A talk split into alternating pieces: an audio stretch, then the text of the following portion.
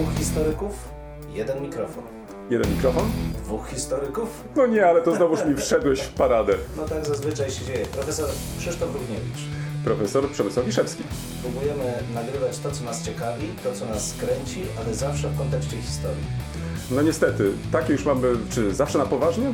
No nie zawsze, a przede wszystkim historia to cały świat. To nie tylko to, co minęło, ale też to, co jest teraz. Chcemy pokazać, że w historii można poznawać się w różny sposób. Zdecydowanie w różny sposób i nawet można się nią bawić. Państwo wszyscy widzą, że się uśmiechamy, więc my się też bawimy nieźle. Bardzo dobrze. Dwóch Liczymy historyków, jeden mikrofon. Jeden mikrofon? Dwóch historyków.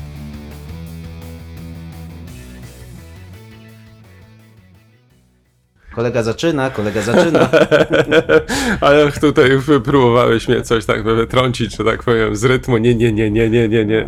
Bo zanim dojechałem tu do Wrocławia, zaliczyłem kilka korków, ale to chyba nic nowego o tej porze, bo to znowu, proszę Państwa, nagrywamy w poniedziałek rano, godzina ósma, a kolega tutaj tym Ósma razem. 10, Ósma dziesięć No tak, ale to tylko dlatego, że musieliśmy się szybko przygotować. Natomiast kolega tutaj już mnie wyrwał z takiego, można powiedzieć, spokoju korkowego za pięć ósma i e, zaczął narzekać, że nie może złowić żadnej ryby. No tak, bo kolega nie dostarczył sumów i nie było co łowić. Żab Tak. też nie było od No razu. właśnie, tak, no on już tutaj troszeczkę uprzedził, bo zaproponowałem, żeby zaczął szukać żab. Było. No we Wrocławiu nie jest to takie proste. Tak, to prawda, nie jest takie proste. Mm, Curyk co zachęt, panie kolego. Wiesz co, ale powiem ci tak, się sporo ostatnio działo. No, ja nie wiem, znów od czegoś zacząć. No. No od książek. Chcesz od razu od książek? Nie, bo to chcesz wstęp. No to wstęp. Nie, nie, to niekoniecznie musi być wstęp, ale na pewno musi być dzwonek. Teraz mamy już właściwą cezurę. No dobrze, e, to, e, ale to ja mam zaczynać od książek? No, a kto? Ty masz zawsze największy stosik. E, Proszę Państwa, tym razem faktycznie mm, tak się złożyło, że ten mój stosik nie jest taki wcale duży.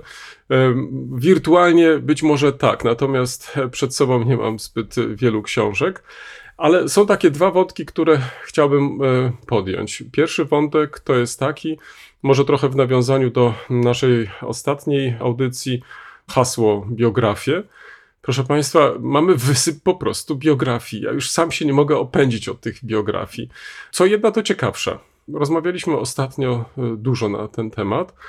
A tu proszę, po naszej rozmowie pojawiły się kolejne. Wznowienie książki o kanclerzy Merkel. O kanclerz Merkel. Arkadiusza Stępina, historyka i niemcoznawcy. Książka ważna, książka, do której koniecznie trzeba zajrzeć. Jest kilka ciekawych wątków w tej pracy. Jedna z nich, która Ciebie może zainteresować szczególnie, bo nie wiem na ile interesujesz się współczesną polityką niemiecką, ale e, autor tutaj em, co e, zawarł, to na przykład w sposób, nie znam takiego obszernego opisu domu pastora. To znaczy, na czym polega tradycja, skąd się bierze, jak ona się tworzyła przez e, stulecia, i w takim kontekście stara się też pokazać e, dzieciństwo, ale także i młodość e, przyszłej pani kanclerz i środowisko, w jakim ona się poruszała. I tym hasłem takim wywoławczym jest właśnie ten dom pastora, czy ten dom pastorski. Ale, no, Pastorenhaus, niezależnie już od tego, jak będziemy to tłumaczyć, w każdym razie w, myślę, że tak to można ewentualnie przedstawić. Z tym związane są jeszcze inne, e, e, może nie tyle z tym, tylko są jeszcze inne biografie, o których warto może w, tutaj wspomnieć. Ale do nich będę wracać, bo e, lektura zapowiada się faktycznie bardzo ciekawa. Jest biografia Susan Zontag. Dalej ukazała się biografia Gropiusa. No i na koniec e, ukazała się w końcu biografia Mieczysława Rakowskiego. I co ciekawe, dotąd byliśmy przyzwyczajeni do tego, że mieliśmy zasyp e, biografii różnych ludzi kultury. Polityków brakowało nam, takich e, lub też takich biografii takich postaci, które odegrały w przeszłości znaczącą rolę po roku 1945, ale jakoś autorzy do nich niechętnie sięgali. Mm? Strasznie nudna biografia Bieruta. No do, dobrze, no to tutaj faktycznie Bieruta, ale myślę, że mm, możemy znaleźć e, jeszcze wiele innych e, ciekawych postaci, niekoniecznie z pierwszego rzędu, ale z drugiego, ja już nie mówię o trzecim, które warte są tego, żeby spopularyzować. I trudno oczywiście powiedzieć o Rakowskim, e, że jest to postać e, drugo- czy trzeciorzędna, ale niezależnie od tego myślę, że dobrze się stało, że w końcu także i taką biografię otrzymaliśmy. To jest e, taki pierwszy może, taka pierwsza grupa publikacji, e, na które chciałem zwrócić uwagę, ale jest też i druga, bo mm, podczas tych naszych audycji mm, czas staramy się też mm, propagować literaturę regionalną. I tutaj takim pretekstem do tego, żeby zwrócić dzisiaj na to uwagę, jest wystawa, która obecnie jest pokazywana w naszej bibliotece uniwersyteckiej. Może wystawa to trochę za dużo, e, bardziej adekwatne określenie to byłoby taka inscenizacja może, bo takim punktem wyjścia jest diorama, jednego z ciekawszych e, projektów e, dwudziestolecia międzywojennego, tak zwanego Boberhausu, w domu nad Bogrem, Bobrem w Lwówku Śląskim. Mm, I e, w związku z pokazaniem tej dioramy, Biblioteka Uniwersytecka naszej uczelni e, przygotowała e, wybór publikacji dotyczących tej inicjatywy, tej ciekawej inicjatywy dwudziestolecia międzywojennego w zbiorach naszej biblioteki. Wydaje mi się, że jest to mm, bardzo takie ciekawe uzupełnienie i pomysł, który mm, kto wie, może się jakoś upowszechni, to znaczy ten taki mały wybór publikacji naszej biblioteki pokazuje, jak, e, jakie duże ma możliwości. To znaczy, jak można też e, fajnie, jeżeli mogę użyć tego określenia, połączyć coś, co em, jest eksponowane, z tym, e, co tak naprawdę posiadamy w, w naszych zbiorach. A przy okazji jest to też w końcu popularyzacja samych naszych e, zbiorów, więc wydaje mi się, że taka, mm, takie połączenie było jak najbardziej trafne, a równocześnie można byłoby sobie życzyć w przyszłości, żeby takich e, związków było po prostu więcej. Mm, Czasami mam też takie wrażenie, nie wiem jakie jest Twoje, ale czasami może zapominamy, jak bogate mamy e, zbiory, jak możemy się nimi chwalić i jak są to szczególne zbiory. To znaczy, mm, myślę, że część z tych publikacji, które tam zaprezentowano, poza Wrocławiem e, nie są dostępne lub też są bardzo trudno dostępne, tak więc e, na to e, przede wszystkim chciałem zwrócić uwagę. A wszystkich studentów, czy też koleżanki i kolegów, którzy po urlopach, czy też po wakacjach wracają powoli na uczelnię, zachęcam do tego, żeby zwrócili uwagę na właśnie tą małą inscenizację, które, którą znajdą przy wejściu do biblioteki uniwersyteckiej. Ale to nie koniec jeszcze. No dobrze. Słucham. Ja myślałem, że ty może jakiś taki komentarz jeszcze tutaj, jak Nie, koment- ważne są ja- to zbiory i tak dalej. Ja oczywiście chciałem tylko dodać, że Boberhaus to, proszę Państwa, nie jest jakikolwiek dom nad Bobrem, bo to, to trochę tak zabrzmiało, że po Tak, prostu tak, wybudowano tak, dom prawda. nad Bobrem. Tak. Nie, to centrum kulturowe, centrum tej lokalnej społeczności, które rzeczywiście bardzo mocno przysłużyło się. Było.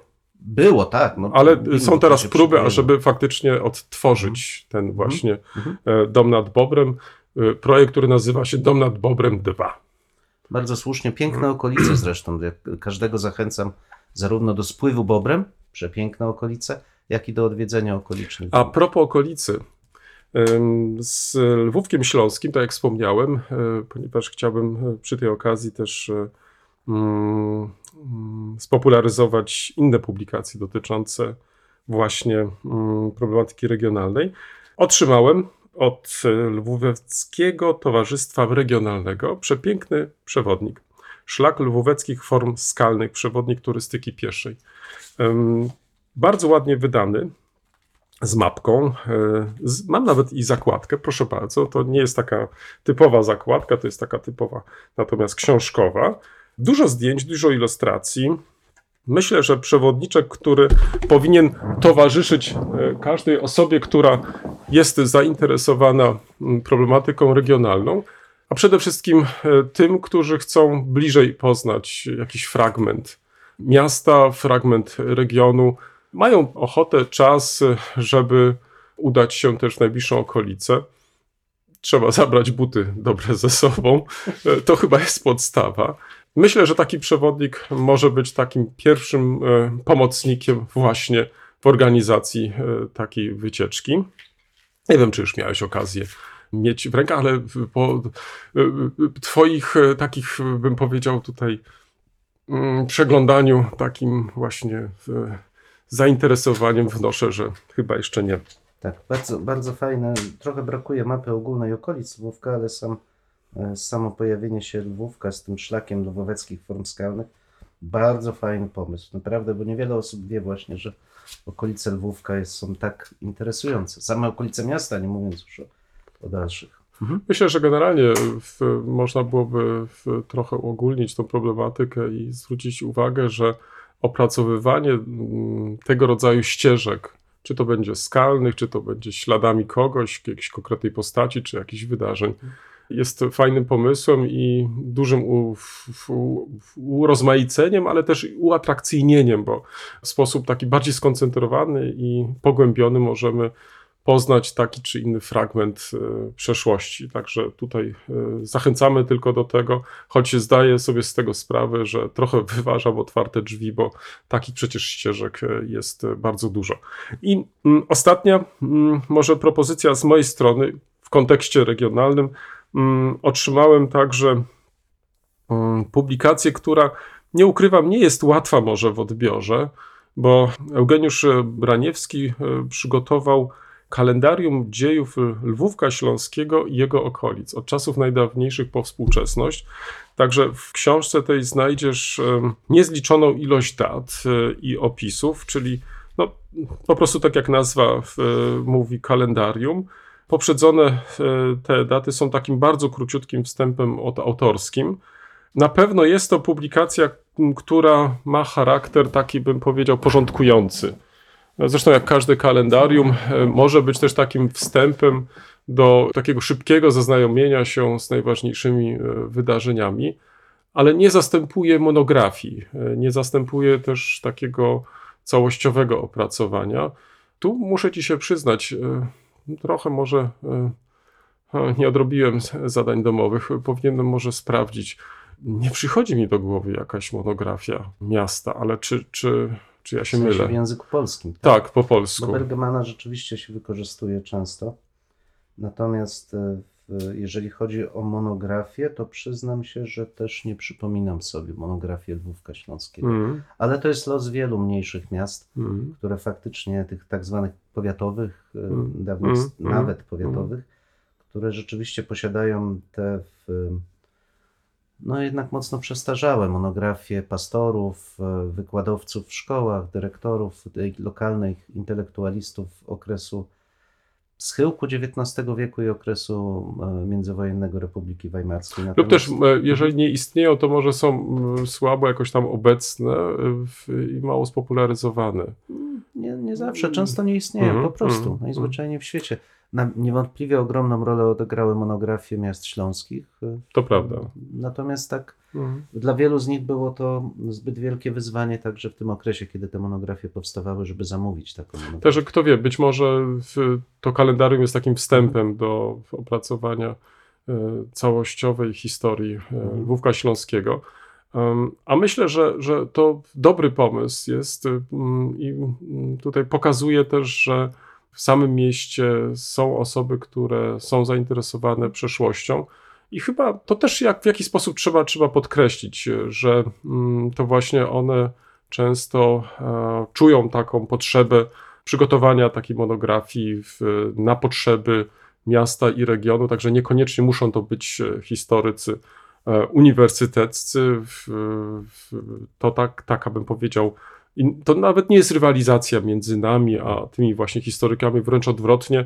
Jest to chyba z mojego punktu widzenia coś naturalnego, bo tak jak przed chwilą powiedziałeś, e, nie jesteśmy w stanie wszystkimi e, tematami się zająć.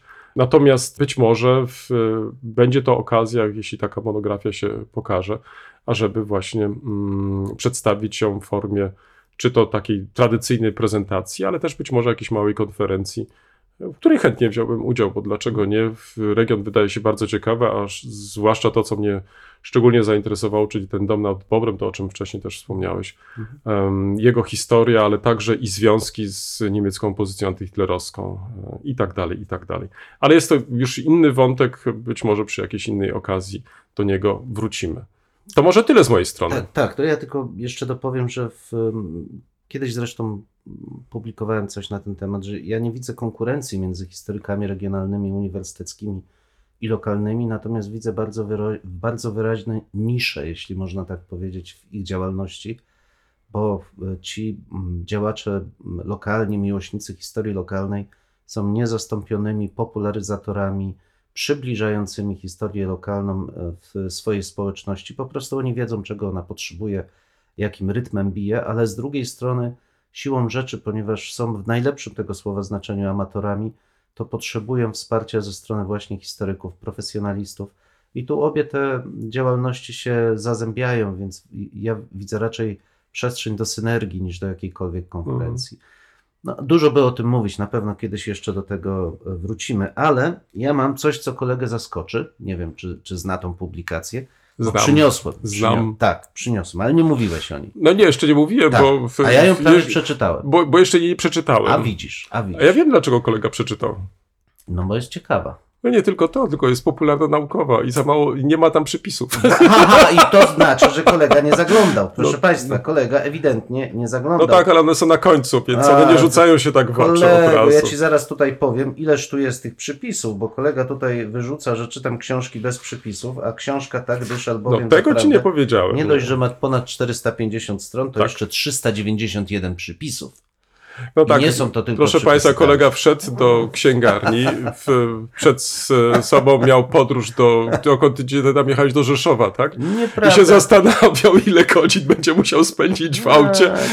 No, kolego. jaką książkę musi sobie kupić, żeby... Nieprawda, gdyż Tak. albowiem, gdyż A. albowiem, proszę Państwa, w drodze do Rzeszowa pracowałem sobie, taki, taki jest, jest dobrze pod tym względem obecnie. Tak, wszyscy przyjmujemy do wiadomości. Natomiast y, kolega się tu wyzłośliwia, ponieważ ukradłem mu jego tematykę trochę i dlatego taki jest. Harald Jenner, Czas Wilka, powojenne losy Niemców.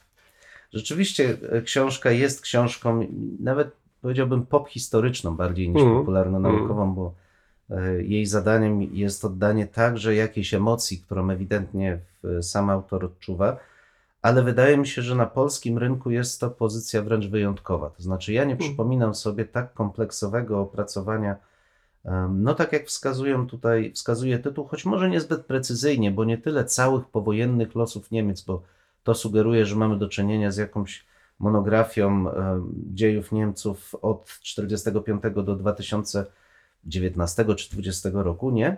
Tutaj w, Harald Jenner, głównie jednak dziennikarz, aczkolwiek z wykształceniem historycznym i historyczno-sztucznym, e, stara się przedstawić no, w zasadzie do połowy lat 50.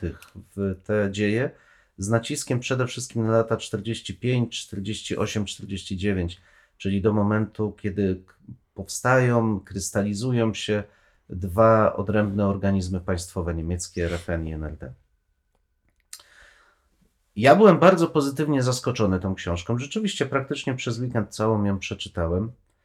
Um, zaskoczony. Może jeszcze krótko o tytule, bo chyba tytuł jest e, e, charakterystyczny. Tak, czas wilka w, raczej można by odnieść, i on to bardzo precyzyjnie pokazuje, do takich wyobrażeń niemieckich szczególnie. Wilczy czas nawet bardziej niż czas wilka, czyli taki, w którym Czyli człowiek człowiekowi wilkiem, Tak, czyli też tak się- nawiązanie tak trochę. ludzie stają się jakimiś bestiami, jeśli no, można tak i powiedzieć. żyją też w tych grupach. To nie do końca oddaje zresztą to, co on przedstawia, bo w, nie będę, nie zdradzając tutaj szczegółów, bardzo ładnie pokazuje on, że za tym wyobrażeniem wykreowanym trochę przez literaturę, które ma podstawy oczywiście w, w realiach, kryje się dużo głębszy problem, do którego za chwilę w- powrócę, ale przedstawiając po kolei, proszę Państwa, na rynku polskim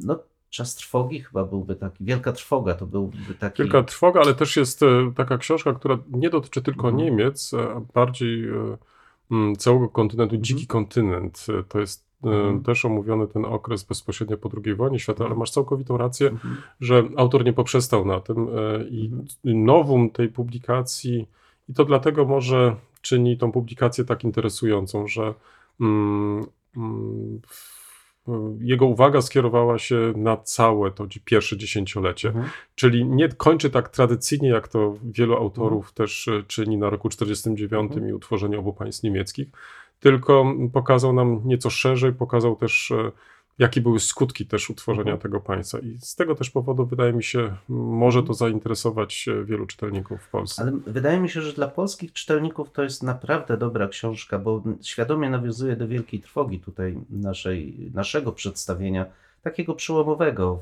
w tych okresu lat powojennych, gdzie wyobrażenie Polaków o tym okresie 45, powiedzmy 47, 8, a więc tuż przed dojściem i w momencie dojścia komunistów do pełnej władzy, było takie ukształtowane trochę przez szkołę, że jest to okres pionierski, Polacy zbierają się do odbudowy, zasiedlają ziemię zachodnie, wszystko dzieje się w jakimś takim blasku optymizmu i odbudowy po wojnie. Natomiast y, ta książka była przełomowa, bo pokazała rzeczywiście te zbójeckie czasy, y, skalę rozluźnienia kulturowego, załamania się norm moralnych, wielu tych trudnych zjawisk, które znajdują wytłumaczenie w, w traumie okresu powojennego.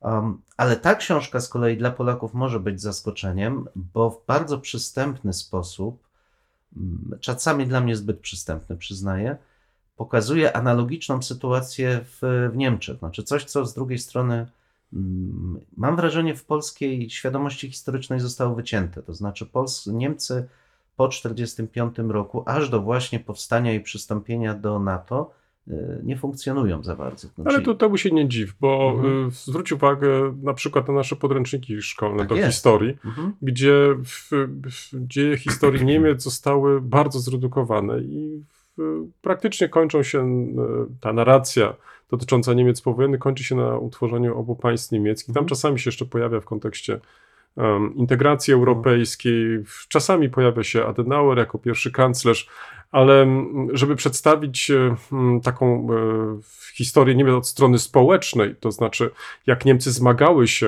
z Mhm. tym okresem po 1945 roku, który wcale nie był taki oczywisty. Tak. Był przecież naznaczony i zniszczeniami, i głodem, i przemieszczeniami, i tak dalej, i tak dalej. Krótko, żeby mm, troszeczkę y, odejść może od tej takiej bardzo charakterystycznej dla polskich podręczników narracji polskiej i zobaczyć, jak to w, u naszych sąsiadów, niekoniecznie Niemców, ale to równie dobrze można u Czechów, można to też e, na przykład zrobić e, w Związku Radzieckim, Mhm. jak tam się na przykład żyło w tych pierwszych latach powojennych. I mam wrażenie, że mm, tego w ogóle nie ma. I tym też tłumaczę, dlaczego może mm, tak małe jest zrozumienie dla tego, co się właśnie gdzie indziej działo, lub też dlaczego czasami jesteśmy zaskoczeni, jeżeli słyszymy właśnie e, coś odmiennego od tych naszych wyobrażeń, które wynieśliśmy ze szkoły. Mhm. I tutaj też bardzo mocno chciałbym podkreślić z jednej strony brak tej książki, bo rzeczywiście, tak jak i w przypadku Wielkiej Trwogi, ona jest skupiona na jednym narodzie, na jednej e, formacji politycznej, czyli na Niemcach. Odniesienia do historii ogólnoeuropejskiej czy sytuacji ogólnoeuropejskiej są bardzo rzadkie. I to też jest niestety charakterystyczne dla wielu opracowań z historii najnowszej. To znaczy, danych jest tak dużo, że przytłaczają one e, autorów i skupiają się oni na tym wąskim e, zakresie. Ale pomimo to, książkę uważam za bardzo cenną dla każdego, kto chciałby zajmować się historią najnowszą, ponieważ bardzo udatnie korzysta ona z perspektywy antropologicznej. Kwestie polityczne oczywiście są, ale są głęboko w tle. Jest to książka, która skupia się na tym, co i jak doświadczali ludzie, m, z bardzo silnym podkreśleniem relacji między okolicznościami ich życia a ich em, wymiarem takim kulturalnym. Kapitalną obserwację, jaka, jaka tu się pojawia, jest na przykład, dlaczego po zakończeniu II wojny światowej gwałtownie odżywa życie kulturalne w Niemczech. Kabarety, e, koncerty, e, życie teatralne. No i oczywiście zwolennicy takiego bardzo em, kulturalizowanego obrazu historii powiedzieliby tak, trzeba odreagować traumę ostatnich chwil, klęski i tak dalej. Ale odpowiedź jest dużo prostsza. W w wyniku inflacji nagromadziło się tak dużo pieniędzy, a jednocześnie było tak mało towarów na rynku, że żeby jakkolwiek spożytkować te Reichsmarki, po prostu wydawano je na kulturę. Dlaczego taki wniosek? Ano dlatego, że kiedy tylko dokonano dewaluacji i pojawiły się nowe marki, które miały rzeczywiście wartość, a było ich bardzo niewiele w obiegu, automatycznie, niemal tego samego dnia wydatki na kulturę zmalały od 70 do Mhm, 80%. Jak bardzo ładnie puentuje tutaj, e, tutaj autor, e, pełny brzuch e, wypełnił pragnienie kultury. Ale ja chciałem zwrócić uwagę na jeszcze jedno, bo bardzo ciekawe obserwacje, ale za chwilę jeszcze powiem kilka słów o moim zdaniem poważnym mankamencie tej książki.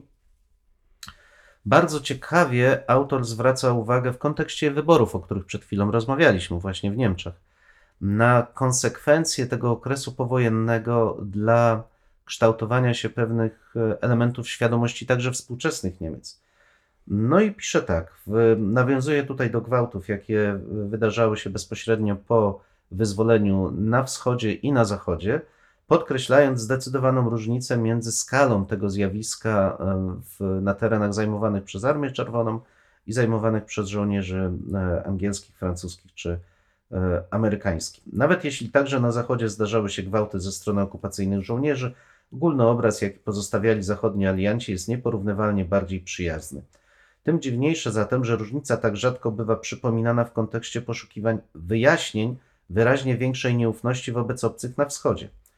Dla jej zrozumienia przywoływano, przywoływano takie błahostki jak, i tutaj trzymaj się, wczesne sadzanie maluchów na nocnik w socjalistycznych przedszkolach. Ale zaskakująco rzadko wspominano o masowych e, gwałtach. Mhm. No, nic dodać, nic ująć. I Jeśli wspomnimy, czy spojrzymy dzisiaj na mapę wyborczą, tak jak myśmy to zrobili, to rzeczywiście jest. To musimy może e, krótko dodać. e, Jest poniedziałek, nagrywamy w Mhm. dzień po e, w wyborach e, u naszego zachodniego sąsiada w Niemczech. Znamy już wyniki. e, Tak. Poniedziałek, Tak, tak, tak, tak. Tak, i które kolega, kolega mi pokazał właśnie te wyniki w e, Saksonii. Tak, z podziałem na landy, tak. Przerażające dla mnie. Mm. E, Alternative für Deutschland, prawie 1 czwarta głosów Tak, w tak. Saksonii. Wszystko wskazuje na to, że to Wszystko. faktycznie tak, Przerażający wynik, przerażający. No ale to, to, to już porzucam to. Być może do tej sprawy wrócimy, bo to jest ciekawe też, e, jak e, będą się kształtować relacje między naszymi Tak. em, regionami, między województwem e, dolnośląskim a Saksonią. No właśnie, ale tutaj wracam jeszcze do książki uparcie, bo mam i pozytywy, dużo pozytywów o niej. Tak Ale mówię, też wspomniałeś, o że negatywach. jest jakiś Tak, ma- mankament. Tak, ja tak. widzę mankament i on. Myślę, że dla czytelnika, zwłaszcza niemieckiego, paradoksalnie on będzie zupełnie niewidoczny. E, Dla czytelnika polskiego myślę, że też. To znaczy, na pewno czytelnik polski może być zaskoczony, zwłaszcza narracją o tak zwanych dypisach, displaced Mhm, persons, mhm. czyli osobach, które pozostawały w trakcie tego okresu tuż powojennego w różnych częściach Europy, zarówno jako osoby, które przymusowo były wywożone, więźniowie kacetów, ale też i żołnierze armii, które były rozwiązywane. Kapitalna narracja w, o w migracji Żydów przede wszystkim z Polski tuż po wojnie, z mocnym podkreśleniem em, no niestety pogromów, jakie miały miejsce po wojnie i bardzo niechętnej atmosfery w Polsce wobec Żydów, powstania prawdziwych miasteczek zasiedlanych przez Żydów z Polski na terenie Niemiec, którzy czekali na wy- wyjazd do Izraela i tak dalej, i tak dalej, ale co, i to jest jakby dla mnie dalszy pozytyw, to znaczy możemy się przejrzeć. Czyli najpierw do Palestyny. Tak, y, tak, tak, do Palestyny oczywiście, ale w sensie. Tak, jako docelowo, tak, wyobrażony do Izraela, tak. Mhm. Natomiast w, dla nas uważam jest to bardzo ważne, bo możemy się przejrzeć w tych naszych wyobrażeniach o tym, jak e, wyglądał ten okres powojenny i jak myśmy, myśmy Polacy w tym zbiorowym sensie odbudowywali swój kraj i jak się okazuje nie dla wszystkich ten kraj był odbudowywany. Bardzo ważne dla mnie, w, dla mnie obserwacje. Ale teraz o mankamencie, krótko. Choć autor stara się tego bardzo unikać, to widać, jak głęboko zakorzenione jest rozróżnianie między mm, wschodem Tak. i ofiarami na wschodzie, a, pro, jakby to ująć, no, a funkcjonowaniem Holokaustu i cierpień zadawanym Żydom i cierpień samych Niemców. Choć autor stara się dystansować na wie, wielu miejscach od tego, przywoływać ofiary, jakie, jakie poniósł Związek Radziecki, liczbę osób, które zginęły w, w trakcie, w trakcie w, em, wojny w, na terenie Polski, to czytając to w wielu miejscach wyraźnie widać, że boleje on nad tym, że bezpośrednio po wojnie nie przedyskutowano sprawy Holokaustu. Natomiast fakt, że ofiary na wschodzie praktycznie w ogóle znikły ze świadomości Niemców, w zasadzie go nie dotyka. Jest to widoczne zarówno na kartach tej książki, jak i potem nawet w samym zakończeniu, gdzie osobny rozdział jest poświęcony wyparciu. To znaczy sposobowi, w jaki Niemcy tuż po wojnie zaczęli przedstawiać siebie jako ofiary tej wojny. E, Bardzo trafne jest to określenie, że w zasadzie nazizm zniknął w jednej chwili, że wszyscy Niemcy poczuli się ofiarami, ofiarami tej wojny. Potem znajdzie to wyraz też w kontrkulturze 68 roku, kiedy ta generacja będzie atakować generację ojców, którzy służyli Hitlerowi i tak dalej. Ale ja mam wrażenie, że korzenie tego są bardzo głębokie i że nawet dla autora było zupełnie normalne napisać o mm, bestialskich zachowaniach dipisów e, e, bezpośrednio po wyzwoleniu, napomknąć tylko o tym, że mogły one być związane z okresem ich e, uwięzienia czy z traumą e, e, samej, samej wojny, ale troską jego jest to, że zapomniano w refleksji powojennej o Holokauście. O kilkudziesięciu milionach ofiar na wschodzie, że zapomniano i nie. To jakby mu zupełnie umyka. Ja byłem, przyznaję, wręcz wstrząśnięty, że. Zresztą on bardzo fajnie opisuje tutaj mm, ten sposób myślenia, i to nie ma co ukrywać, rasistowski w Niemczech powojennych, które na wielu, w wielu miejscach się przejawia. I świetnym przykładem jest taki, e, taki, taka książka Autostadt o Wolfsburgu, która powstaje tuż po wojnie i pokazuje kreację tego miasta, gdzie tymi, którzy go zbudowali, według autorów miał być cy- cywilizowany świat e, w zasadzie niemiecko-francusko-holenderski, natomiast e, wschód, więźniowie ze wschodu to w zasadzie taka tłuszcza, która tylko e, niszczy ten cud gospodarki e, niemieckiej. Zwracam na to uwagę, bo trochę mnie to uderzyło, natomiast szczerze polecam Czas Wilka, Harald Jenner. Bardzo, bardzo dobra książka popularno-naukowa, pokazująca dla nas chyba zapomniany i też wyparty problem funkcjonowania Niemiec bezpośrednio po zakończeniu wojny. Cieszę się, że zwróciłeś na ten wątek uwagę, e, tego takiego bardzo zróżnicowanego traktowania e, ofiar lub też pomijania wręcz e, ofiar tych nieżydowskich. E, e, Bo tu w końcu mamy do czynienia z pracą popularno-naukową, taką, która e, jest skierowana do mm, przeciętnego, zainteresowanego czytelnika tą problematyką. Co trzeba może dodać, ta książka była w Niemczech bestsellerem. Nie wiem, czy nadal jest, ale w każdym razie była bestsellerem. Czyli można wręcz powiedzieć, że ten sposób narracji e, przyjęty przez autora przekonał. To znaczy, że faktycznie książka ta była e, czytana. I co to dla nas oznacza? Bo to jest dobre też pytanie, co to dla nas oznacza, co to oznacza też dla naszych też działań e, polsko-niemieckich, niemieckich. Pokazuje to tylko, że tutaj istnieje ogromna potrzeba dyskusji, to znaczy, że być może em, em, przyzwyczajeni do e, debat wśród historyków, e, przestaliśmy może mm, zwracać uwagę na mm, tą literaturę, która nie zawsze może jest przez nas traktowana poważnie, to znaczy popularno-naukową, czy też w innej formie, bo przecież to równie dobrze mogą być różne multimedia, jak na przykład gry komputerowe, gdzie e, za pomocą właśnie tego medium stara się też przekazywać e, historię.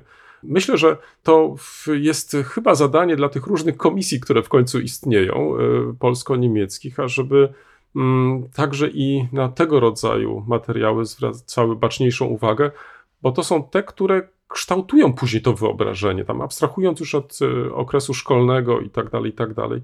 To właśnie te publikacje, które no, pojawiają się i znikają, ale są przez pewien moment bestsellerami, to one niejako narzucają tą pewną narrację. I wydaje mi się, że dzisiaj możemy chyba oczekiwać wie, większej wrażliwości, większego zróżnicowania też, jeżeli chodzi o stosunek do ofiar, ale przede wszystkim starać się w jakiś sposób e, um, uwrażliwiać na to, co się faktycznie stało w, em, w Europie Środkowo-Wschodniej w okresie II wojny światowej.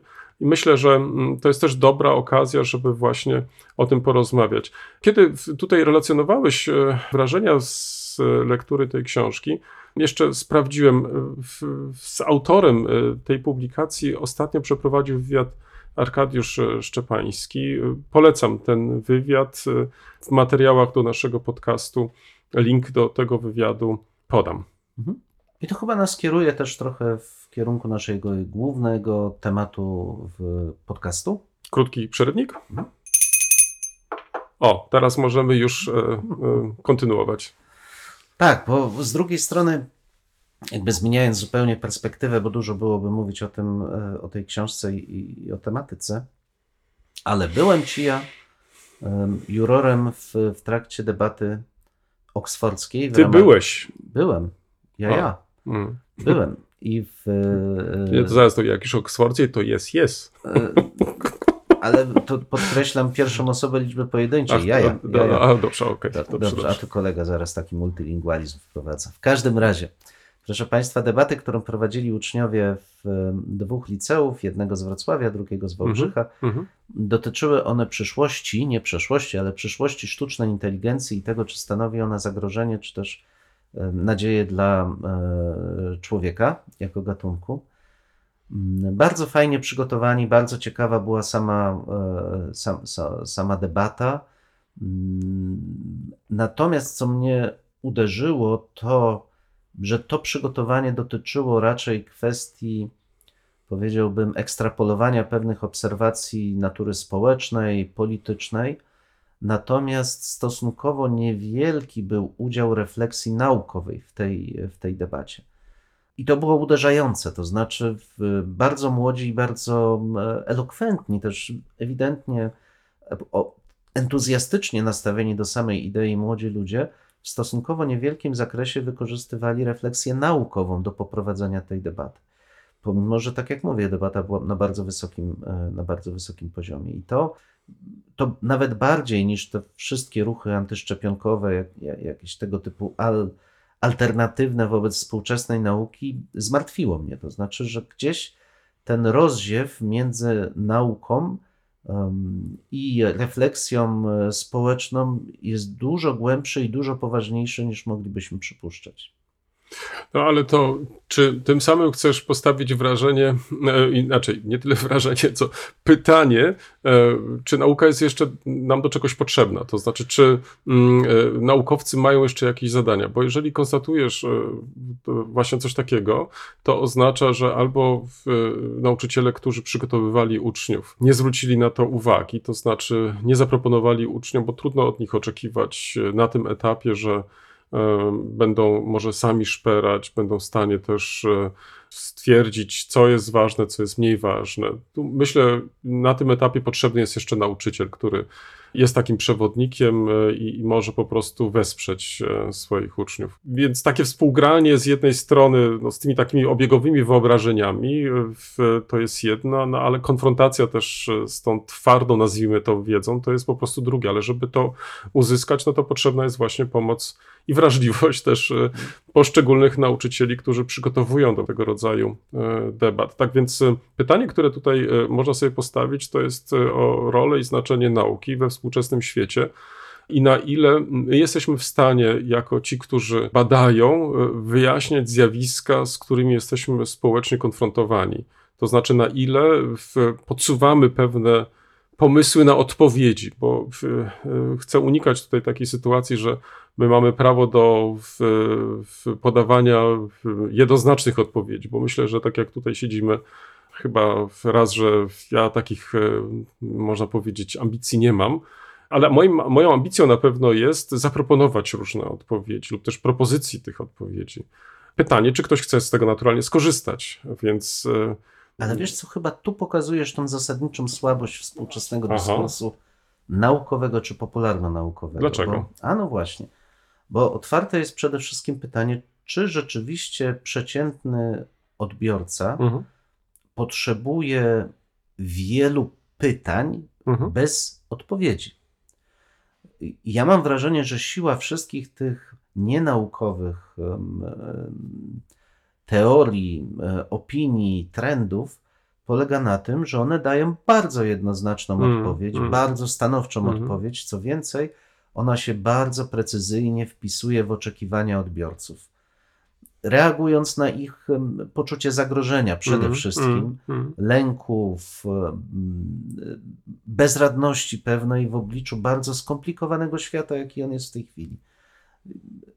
Przemiany polityczne, które obserwujemy, są bardzo fajnym przykładem tego, w jaki sposób zdumiewająco proste i błędne teorie i odpowiedzi są, przepraszam za wyrażenie, sprzedawane przez polityków po to, żeby ich odbiorcy poczuli się No tak, bezpiecznie. no zgoda, no ale to jest ich cel, który oni Oczywiście, chcą że osiągnąć. tak. Ale to nie jest mój cel. To nie jest Twój cel, tylko pytanie w takim razie, czy jest naszym zadaniem jako naukowców po prostu stanąć z boku i powiedzieć: OK, no i my rozumiemy, że takie bardzo proste działania e, są wykonywane. My nie będziemy do tego przykładać ręki, my mamy swój Nie, świat. nie, nie, nie. To, o, No, to mnie, no o tym nie myślałem, nie, o tym nie O, myślałem, no. e, ponieważ e, tutaj, jeżeli nawiążę do twojego teraz Mhm. takiego obrazu, że ktoś stoi z boku. Tak, jestem tym obserwatorem, ale krytycznym obserwatorem tego życia społecznego i posiadając moją wiedzę, prowadząc takie czy inne badania, jestem w stanie mm, zaproponować nieco szersze spojrzenie niż taki przeciętny, powiedzmy sobie, nie wiem, polityk y, czy przeciętny obywatel. I w tym widzę też swoje zadanie, to znaczy poprzez tą ingerencję, to znaczy ja mogę przedstawić e, różnego rodzaju scenariusze, mogę przedstawić różnego rodzaju pytania, z którymi jakoś tam jestem konfrontowany.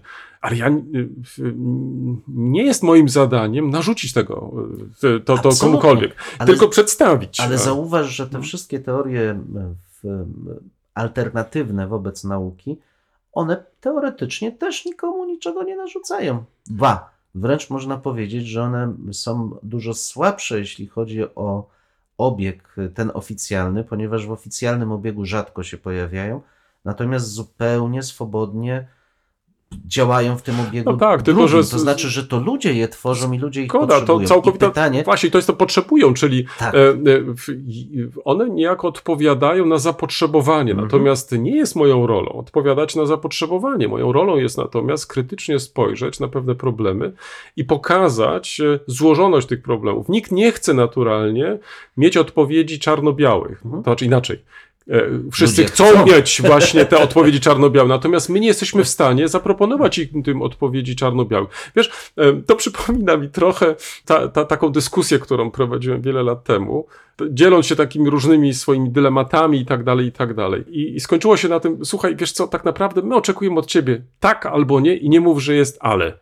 I widzisz, i to w tym się trochę to zawiera. To znaczy, kiedy rozmawiamy o historii, kiedy rozmawiamy o przeszłości, my też nie mamy tej stuprocentowej pewności, że było tak, a nie inaczej. Że możemy na przykład tak, a nie inaczej interpretować takie czy inne fakty. My co najwyżej możemy zaproponować, my możemy zrekonstruować. I teraz od tej, tego racjonalnego naszego podejścia, no jeżeli naturalnie zakładamy, że nauka jest racjonalna, także jeżeli chodzi o nauki społeczne, że możemy po prostu em, proponować różnego rodzaju rozwiązania i przekonywać co do właśnie tego rodzaju rozwiązań. Natomiast em, na tym się kończy moja rola. no, Natomiast widzisz, niektórzy, widzisz, nie kończą na, tej, na tym tej roli, tylko chcą wręcz e, odegrać e, pierwszorzędną e, rolę właśnie przy narzucaniu takiego czy innego swojego zdania. Widzisz, tu jest chyba też nasz ten największy problem, że mm, proponując te alternatywy, my jesteśmy w stanie określić, która jest najbardziej prawdopodobna i dlaczego jest najbardziej Mhm, prawdopodobna, choć naturalnie zdajemy sobie sprawę, że żaden człowiek nie jest wszystko wiedzący i jest w stanie powiedzieć Mhm, coś, mhm. co nigdy nie zostanie zakwestionowane. Ba, nauka rozwija się poprzez to, że stawia hipotezy, które są Tak potem jest. kwestionowane. I to jest dla nas jasne.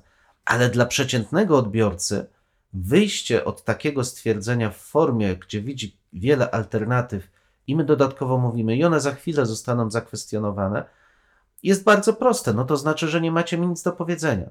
To znaczy, że nie potraficie mi zaproponować wyjaśnienia, zgodnie z którym ja będę mógł postępować i które będzie się przyczyniać do mojego poczucia bezpieczeństwa. Moim zdaniem, naszym obowiązkiem jest bardzo wyraźnie powiedzieć, że owszem, są alternatywy, ale jedna, dwie z nich, które my potrafimy uargumentować, są alternatywnymi najsilniejszymi. Że opieramy się tutaj na naszej obserwacji i ta obserwacja znajdzie potwierdzenie bądź znajduje potwierdzenie. Natomiast samo stwierdzenie, że mamy dużo alternatyw, dużo potencjalnych możliwości, mnie nie przekonuje. W tym odbiorze społecznym takie stwierdzenia są po prostu słabe. Um, i oczywiście zgadzam się z Tobą, że z kolei pozowanie na bezserwisera, który wie najlepiej nie ma żadnych. Absolutnie nie. Ale nauka musi znaleźć miejsce w, i sposób dotarcia do społeczeństwa, bo naprawdę w chwili obecnej mamy tak głęboki brak zaufania, co widać zwłaszcza w kwestii e, szczepionek, ale nie tylko, także w narracjach historycznych, tych, które my sami e, e, przygotowujemy, że zbliżamy się do bardzo niebezpiecznego progu, w którym społeczeństwo przestaje być racjonalne. A to jest problem dla społeczeństwa obywatelskiego, które podejmuje decyzje polityczne w oparciu o albo racjonalny, albo bardzo emocjonalny schemat. Tylko, że zwróć uwagę, w, tu przywołaliśmy podczas tej naszej rozmowy wielokrotnie wybory, które się odbyły wczoraj w No. Niemczech. I oczywiście to wydarzenie ważne dla naszego sąsiada, ale także przecież w końcu i ważne dla nas z racji relacji, e, jakie z nim mamy i tak dalej, i tak dalej. I oczywiście jest rzeczą naturalną, że media zapraszają jako rzeczoznawców, e, komentatorów, e, koleżanki i kolegów e, po fachu. Nie ulega wątpliwości. Wychodzą też założenia, że pewnie potrafią jakiś taki szerszy komentarz e, zaproponować, taki bardziej pogłębiony i tak dalej, i tak dalej. Ja wczoraj z ciekawością wysłuchałem e, niektórych z nich i muszę ci powiedzieć, że byłem częściowo rozczarowany, ponieważ e, zauważyłem jeszcze inną e, tendencję, bo tu wspomniałeś o tym, że to społeczeństwo nie zawsze chce uwzględniać lub też e, wyraża zainteresowanie tylko jedną, jakąś ta, jakimś tam jednym zdaniem, czy też pomija całkowicie. Natomiast to jest trochę też problem nas samych, to znaczy osoby, które występowały wczoraj, no szczerze mówiąc, aż byłem zaskoczony, że posiadają stopnie naukowe i mogą się w taki sposób wypowiadać. To znaczy, wystarczyłoby sięgnąć do pierwszej, lepszej publikacji naukowej, żeby się przekonać, że, że się mylą, że po prostu ich ocena jest błędna, że ten świat poszedł już jednak trochę dalej, że także stan badań jest po prostu inny. I, I z tym mam też duży problem. To znaczy, że być może też jest i tak, że to zaufanie e, wobec nas, e, społeczeństwa, po prostu maleje z roku na rok, ponieważ e, sami nie dbamy o jakość e, tego przekazu, a z drugiej strony oddajemy pola różnego rodzaju szarlatanom, którzy w sposób, e, bym powiedział, e, bardzo przekonujący potrafią przekonywać do, do swoich racji, które niekoniecznie mają związek e, z badaniami naukowymi. I 100% racji, ale Dziękuję. to jest, popatrz, że to jest ten problem, o którym właśnie ja mówiłem. To znaczy, nasza społeczność generalnie boi się jednoznacznie powiedzieć, że pewne, myślę tu o akademickiej społeczności, że pewne tezy są po prostu, tak jak powiedziałeś, szarlatanerią. Ja nie dziwię się dziennikarzom, bo niestety już dekadę temu ktoś powiedział, że większość dziennikarzy gra rolę stojaka do mikrofonu, niestety. Bo widzisz, bo tutaj, jeżeli pozwolisz, tylko wejdę ci Mhm. w słowo, bo ja bym oczekiwał od, wczoraj od takiego właśnie Mhm. dziennikarza, który przeprowadzał wywiad, że on, y, przecież y, język polski jest y, językiem kulturalnym i można też Mhm. kulturalnie zwrócić uwagę, ja widzę to inaczej, lub też pani się, lub też Mhm. pan myli. Mhm. Czy nie można byłoby na to spojrzeć Tak. inaczej? Albo na przykład mówi ten lub tamten, co pan, pani na to? Tego mi zabrakło wczoraj. No ale widzisz, to jest wynik tego, że zmienił się format prezentowania treści, gdzie nad wyraz pożądana jest kłótnia w studiu albo mówienie bardzo, bardzo prostych tez, ponieważ zakłada się, że słuchacz potrzebuje emocji, potrzebuje potwierdzenia swoich własnych opinii, natomiast nie potrzebuje wiedzy. Zresztą ja byłem, e, już kończąc, bo czas nam ucieka, proszę Państwa, ja Słuchałem ostatnio kilka podcastów takich dotyczących nowych technologii, zresztą bardzo renomowanych. I uderzyło mnie, jak potwornie nudne są, jest sposób przedstawiania tych zagadnień. Że w zasadzie to są takie wywiady rzeki, gdzie dziennikarz ogranicza się do zadawania pytania i rejestruje odpowiedź.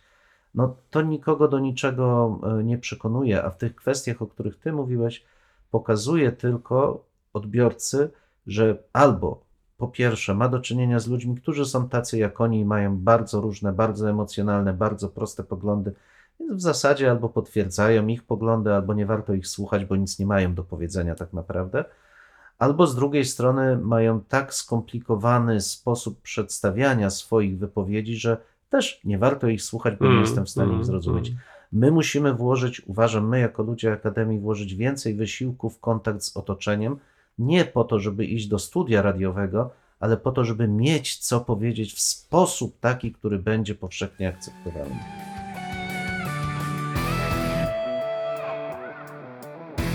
W tym miejscu stawiamy kropkę lub też jak to woli, kropkę nad i. No, mamy nadzieję, że to nie jest koniec, że to jest początek Waszych dyskusji. Mam nadzieję, że Was zaciekawiliśmy. Prosimy o komentowanie naszych zmagań z historią. poniżej zdjęcia jest wystarczająco dużo miejsca? Pamiętajcie, nie regulujcie odbiorników. Na mnie naprawdę tak brzmi. E, tak, chociaż być może czasami e, może trzeba ściszyć. No może czasami ten nasz rechot by się przydało wyciąć nawet. Dwóch historyków, Jeden mikrofon, jeden mikrofon. dwóch historyków. Dziękujemy.